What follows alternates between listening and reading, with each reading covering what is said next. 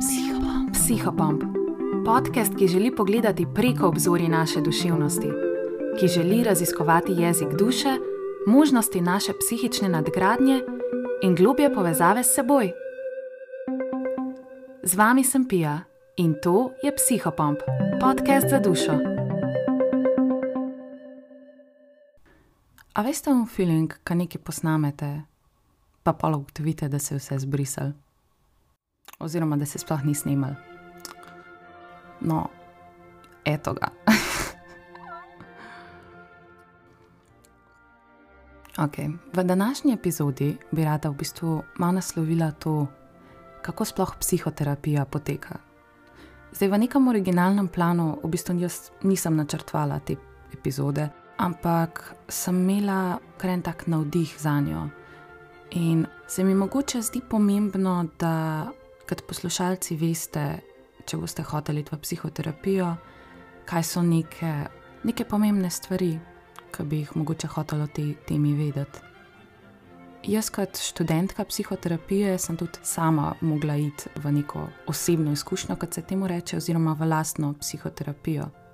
Da sem se pač na lastni koži naučila, kako to poteka in kakšni so neki mehanizmi, Za začetek je v bistvu zelo pomembno, da imamo enega ta pravega terapeuta.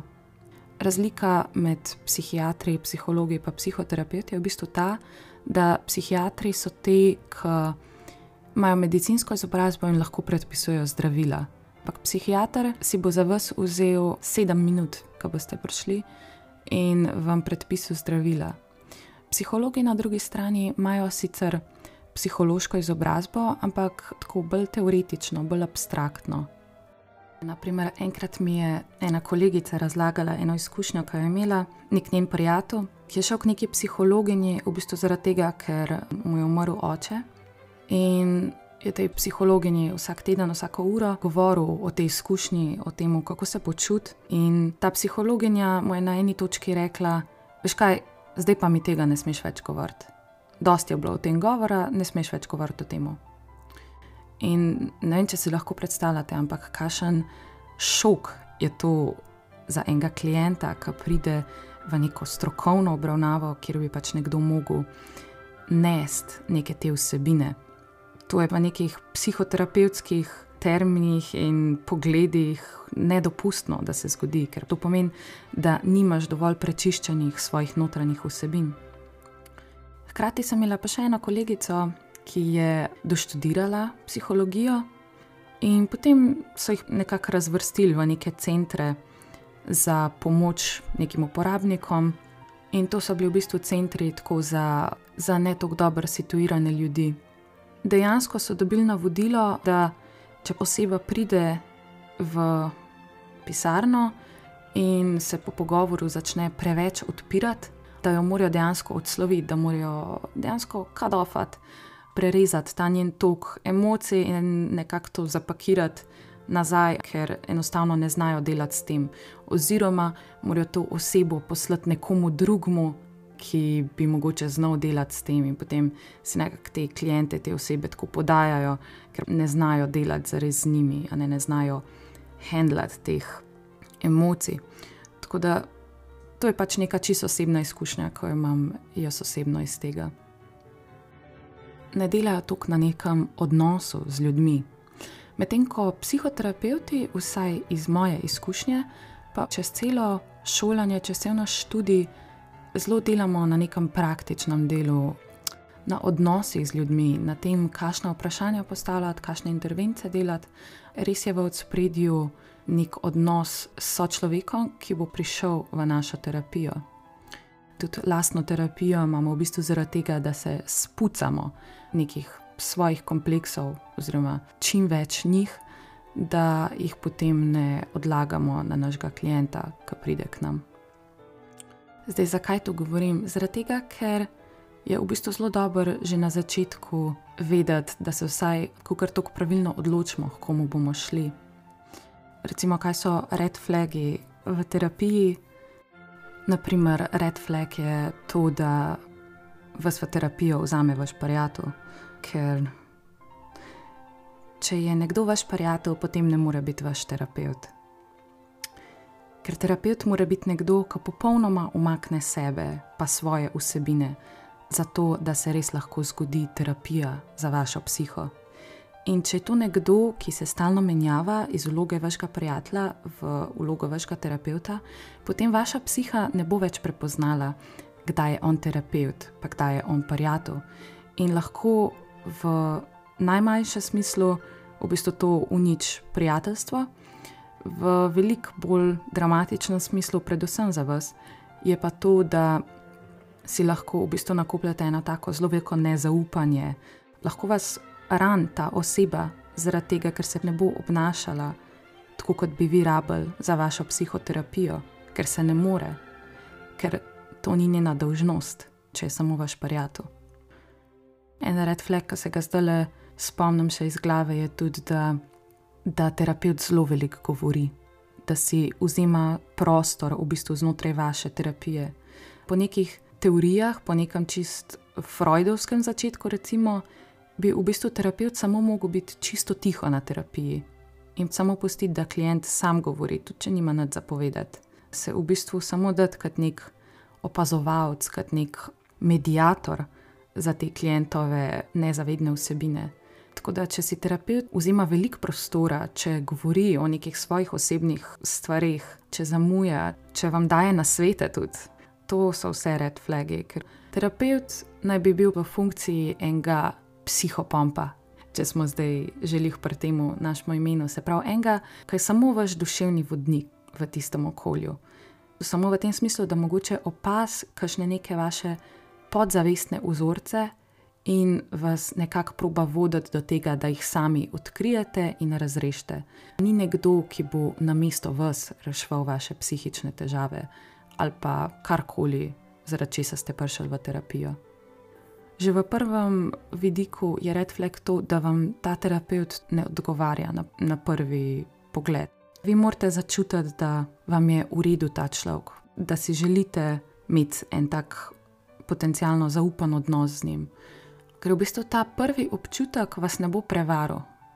In potem, ko bo terapija postala težja, ker bo postala težja, ker so to zakonitosti terapije, boste imeli večjo motivacijo, da vsem ustrajate v tem procesu. Ker terapija tudi po teoriji dejansko deluje tako, da se mi spustimo v ta terapevtski odnos in počasi začnemo raziskovati našo notranjost. In slejka prej bo prišel do neke motnje v tem odnosu. Ali bo to nek konflikt s terapeutom, ali bo nekaj podobnega, kar bo načel vajen odnos ampak do tega more priti, mi smo ljudje in smo si različni. In slejka prej bo v odnosu z nekom prišel do, do enih motenj. In psihoterapija v bistvu deluje kot en tak prazen kanvas, kot en varen prostor, v katerem mi lahko izrazimo te konflikte in še več, mi v bistvu lahko rekonstruiramo naše odzive v zunanjem svetu. Naprimer, jaz imam težave z jezo, naprimer, in V vseh mojih odnosih se jaz ob enem konfliktu blazno razjezim na tega drugega človeka in seveda ta drug človek se razjezi nazaj, ne, ker je to čisto normalno. In pač nastane nek konflikt, ki se meni v bistvu stalno čez življenje pojavlja, in ti drugi ljudje so potem užaljeni. Skratka, to je nek začaran vzorc. No, v terapiji bi pa, naprimer, jaz začela biti zelo agresivna, pa jezna do terapeuta. In terapeut bi mi pa nazaj zrcalo, bi mi vračal nazaj, kako se jaz zdaj vedem, zakaj se jaz tako vedem, in potem bi mogoče šla raziskovati in bi prišla vem, do mojega otroštva, kjer mi starši niso dovolili biti jezna. In tako naprej, ne, to je zdaj recimo en primer. In kaj v bistvu se pa zgodi v terapiji, ko mi ozavestimo te naše vzorce, imamo priložnost, da v bistvu našo energijo, ki zauzema veliko prostora znotraj teh kompleksov, kar jo vzema našemu jazu. Se pravi, da mi osvobodimo to energijo, jo vrnemo našemu jazu in si s tem dejansko omogočimo, da imamo večjo moč za nadaljevanje našega razvoja. Vedno bolj k nekemu svojemu pravemu jazu se tako vračamo. Tako da psihoterapija dejansko challenge neke naše odzive in obnašanja v naših odnosih. In vedno tudi tako deluje, da dejansko mi bomo prišli v terapijo kot neka kukar tok uravnovešena enota, naša psiha kot neka uravnovešena enota, v kateri so sicer neke posamezne komponente, posamezni deli naše psihe, ki niso najbolj zdravi. In to so pač neki vzorci in neki kompleksi, na katerih bi rabili delati. In potem, če mi začnemo z nekim delom na sebi, če je to delo uspešno, definitivno vodi do neke destabilizacije, do neke neravnovesja, ker mi dejansko vzamemo te nezdrave vzorce ven in jih predelamo. In takrat, ko jih mi vzamemo ven, ja, takrat bo prišlo do neravnovesja, ker smo porušili neko enoto, ki je bila pač sestavljena. Tako da destabilizacija pa neravnovesje je v bistvu zelo dober znak, ker to pomeni, da bo potem prišel do nove stabilizacije, do novega ravnovesja, ki bo pa veliko bolj zdravo in veliko bolj produktivno, pa bolj ugodno za nas. Tako da je tudi v psihoterapiji tako, da bo slejka prej prišlo do te destabilizacije in mogoče boste takrat začutili en tak zelo močen impuls, da bi radi zapustili terapijo. Ampak, če vam je bil na začetku všeč vaš terapeut, če ste ga pač začutili, probite ustrajati. Ker po teoriji je v bistvu tako, da ko pride do, neke, do nekih teh motenj v odnosu, če uspemo to zdržati, potem takoj po tem pride en zelo velik napredek, nova stabilizacija za res. In v bistvu preoblikovanje nekih naših vzorcev vedenja. In v bistvu z razreševanjem vedno več teh kompleksov in vzorcev, mi vedno bolj osvobajamo našo energijo. Kot sem prej rekla, vedno več energije se vrača našemu egu oziroma našemu jazu, da lahko mi nadaljujemo naš razvoj. V psihologiji drugače obstaja več različnih teorij notranjega razvoja, oziroma ta beseda je samo aktualizacija. In to, če pogledamo po SSKJ-ju, to dejansko pomeni težnja po uresničevanju osebnostnih zmožnosti. Potem pa še piše, proti samoaktualizaciji se pomikamo, kadar se odločamo za izbire, ki nam pomagajo rasti, in ne za tiste, ki jih vodita strah in pretirana želja po varnosti kar nam SSKJ govori, je, da mi izbiramo našo rast, pa naš razvoj proti neki coni obdobja, proti enemu strahu pred razvojem, proti neki rigidnosti. Vračamo se v neko bolj odprto stanje, odpiramo naši psihi v bistvu možnost, da res postane vse, kar nam je bilo položeno v zibelko. Še en tak primer lahko dam Naprimer, nekdo, ki je želel v otroštvu veliko ustvarjati, veliko risati ali pa celo postati umetnik, pa so starši to zatrli pri njemu in je potem sam ponotranil to mnenje, da je umetnost brez veze, pa da to delajo sam luftari in take podobne stvari. In potem, naprimer, začne delati na sebi in ugotovi, da, naprimer, čez terapijo ugotovi, da je to v bistvu en kompleks, ki so ne ka so mu ga starši dali, ampak kaj je on ustvaril znotraj sebe zaradi staršev.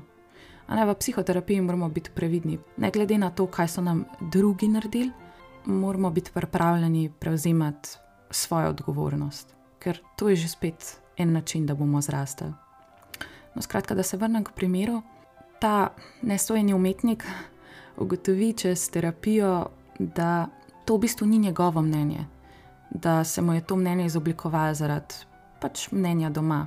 In če lahko svojo energijo osvobodi iz tega kompleksa, tega kompleksa proti umetnikom, naprimer, potem lahko on si odpre pot, da lahko sam začne raziskovati svojo umetniško dušo, svojo umetniško zmožnost.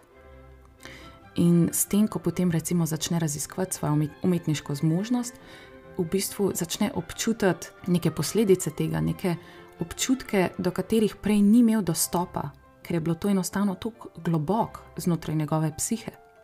Tako da upam, da ste nekako začutili ta primer, da vedno globje, kam mi gremo, vedno več stvari odkrivamo, ki jih prej še nikoli nismo mogli občutiti, ker smo enostavno jih porinili dol ali pa pač enostavno zablokirali.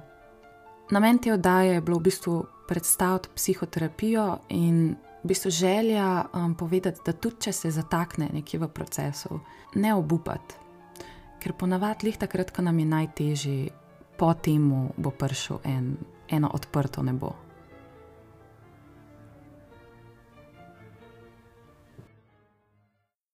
Hvala, da ste bili danes z nami in si vzeli čas za svojo psiho. Do psihopompa lahko dostopate preko naše spletne strani, kjer lahko postite listek s svojim mnenjem in izkušnjo, ali na našem Instagramu in Facebook profilu, kjer bomo zelo veseli vaše podpore, komentarjev in sharinga drugim. Hvala za vaše poslušanje in k malu naslišanje, vaš psihopomp podcast.